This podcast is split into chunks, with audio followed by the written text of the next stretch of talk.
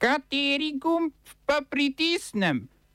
Tisti, na katerem piše OF.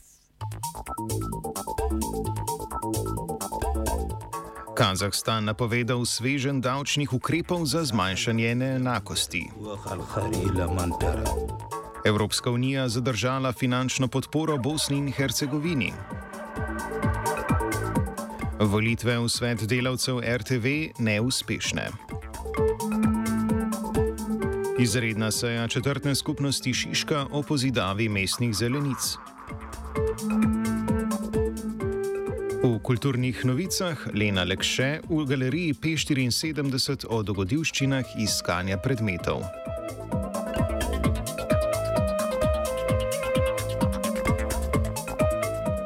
Jo! Kazahstanski predsednik Kasim Žomart Tokajev je napovedal, da bo vlada sprejela svežen davčnih ukrepov, s katerimi bi v državi zmanjšali dohodkovno neenakost. Predsednik se je osredotočil predvsem na višjo obdavčitev rudarskega sektorja, ki je na račun višanja cen kovin v zadnjem letu beležil visoke dobičke. Z obdavčenjem bi država skušala pridobiti proračunska sredstva. Tokajev je izpostavil visoko premoženje nekdanjih političnih veljakov in njihovih bližnjih ter predlagal porazdelitev njihovega premoženja. Kazahstanski predsednik je svojega predhodnika Nursultana Nazarbajeva in z njim povezane funkcionarje v zadnjih dneh umaknil z vseh položajev, ki so jih še zasedali. Kazahstan je dobil tudi novega predsednika vlade Alikana Smajlova, ki je bil v prejšnji teden razpuščeni vladi podpredsednik. Zaradi protestov je Tokajev zaprosil za pomoč organizacijo pogodbe o kolektivni varnosti. Njeni vojaki bi se v prihodnjih dveh dneh umaknili z ozemlja Srednje azijske države.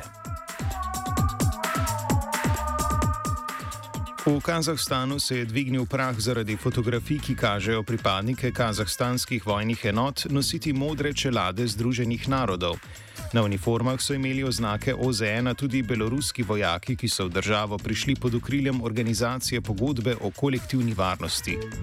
Združeni narodi niso bili upleteni v nemirno dogajanje v državi in tam nimajo svojih vojakov.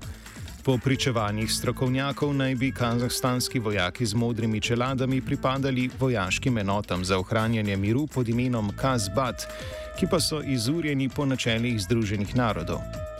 To potezo so komentirali tudi predstavnik Združenih narodov, ki pa so pojasnili, da je nošenje modrih čelad ali njihove značke dovoljeno le, če opravljajo naloge, ki so jim dodeljene v okviru mirovnih operacij Združenih narodov, ki jih odobri Varnostni svet Združenih narodov. Dun, dun, dun,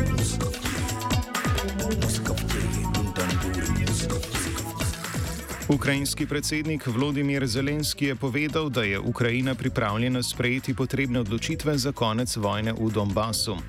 Ukrajinska stran si želi, da bi na oživljenih pogovorih tako imenovane normandijske četverice, to so poleg Ukrajine še Rusija, Nemčija in Francija, prišlo do dogovora o koncu konflikta na vzhodu države.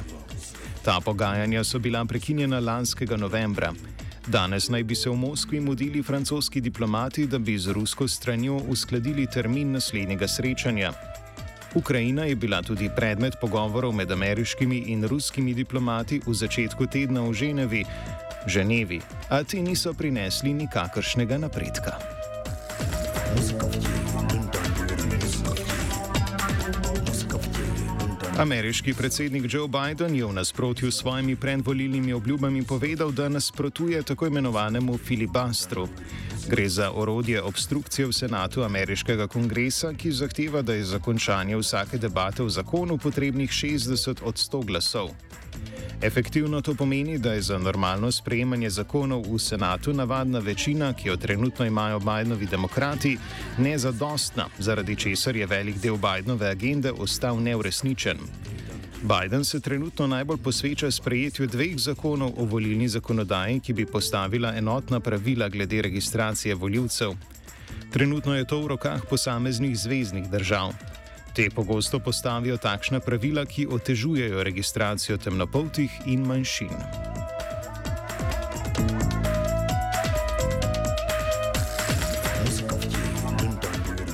Evropska komisija je ustavila izplačilo finančne pomoči Bosni in Hercegovini v vrednosti 125 milijonov evrov, ki je bila državi namenjena zaradi posledic epidemije. Odločitev je sledila opozorilom o sankcijah iz Bruslja zaradi delovanja vodstva Republike Srpske. Bosna in Hercegovina je z Evropsko komisijo dogovor o paketu pomoči podpisala decembra. 250 milijonov vredna pomoč, ki naj bi bila namenjena Federaciji Bosne in Hercegovine, Republiki Srpski in distriktu Brčko.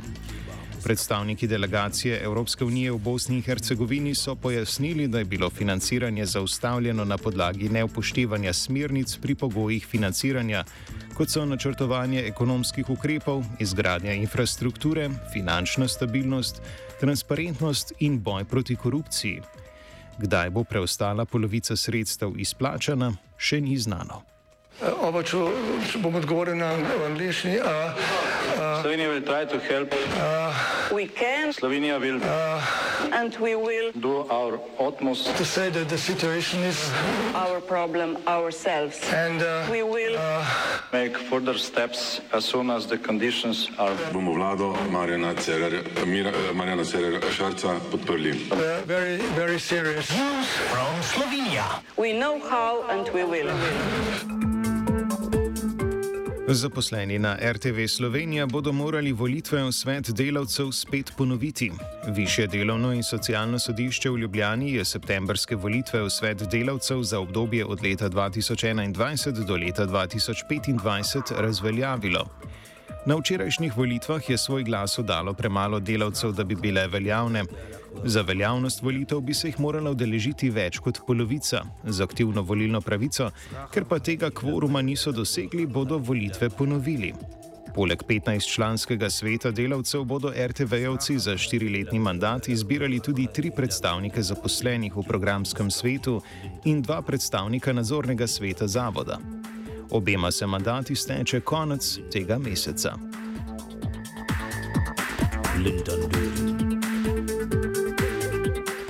Na izredni seji sveta četrtne skupnosti Šiška so se predstavniki sveta srečali z delegacijo mestne občine Ljubljana in odborom za ohranitev zelenic. Na seji so razpravljali o lastništvu in morebitni pozidavi zelenic v Šišanski sosedski šest, katerih trenutni lastnik je Bojan Gjura. Izredne seje se je udeležila številčna zasedba mestne občine Ljubljana, med katerimi so bili župan Zoran Jankovič, podžupan Janez Kožel, vodja oddelka za urejanje prostora Miren Gajšek in Janez Cerar iz oddelka za samo upravo. Luka Počivalšek iz odbora za ohranitev zelenic razloži, kaj se je dogajalo na sestanku. Mi verjamemo, da gre zgolj za prvo srečanje. Namreč dobili smo tudi povabilo strani župana Jankoviča, da se oglasimo enkrat do eh, torej 31.1., ko pa bo seja mestnega sveta na Molu, torej kjer se bo odločevalo tudi o tej uh, naši pereči problematiki. Jaz lahko rečem, da pogovor sicer je bil uh, korekten, je pa deloma pač uh, se izkazalo te, uh, te naše slutnje, torej da gre za neko PR potezo, ker uh, na vse zadnje, da pomirijo to uh, razburjeno in vse bolj čuječo uh, šišensko javnost. Do nobenega dogovora ni prišlo pravzaprav.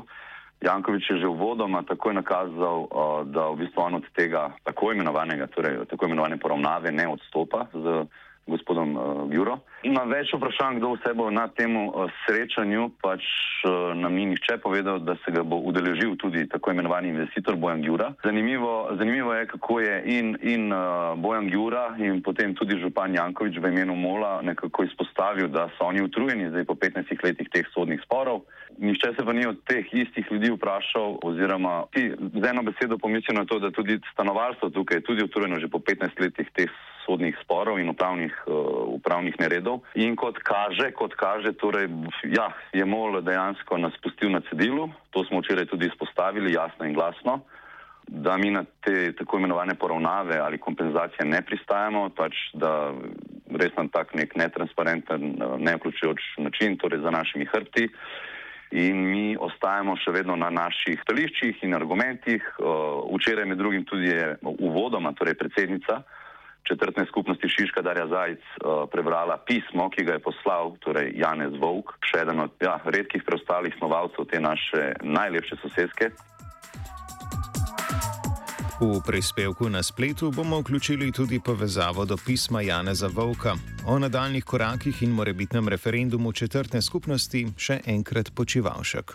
Kot se je izkazalo tudi recimo v primeru Izole in Kopra, uspešno so tam opravili to.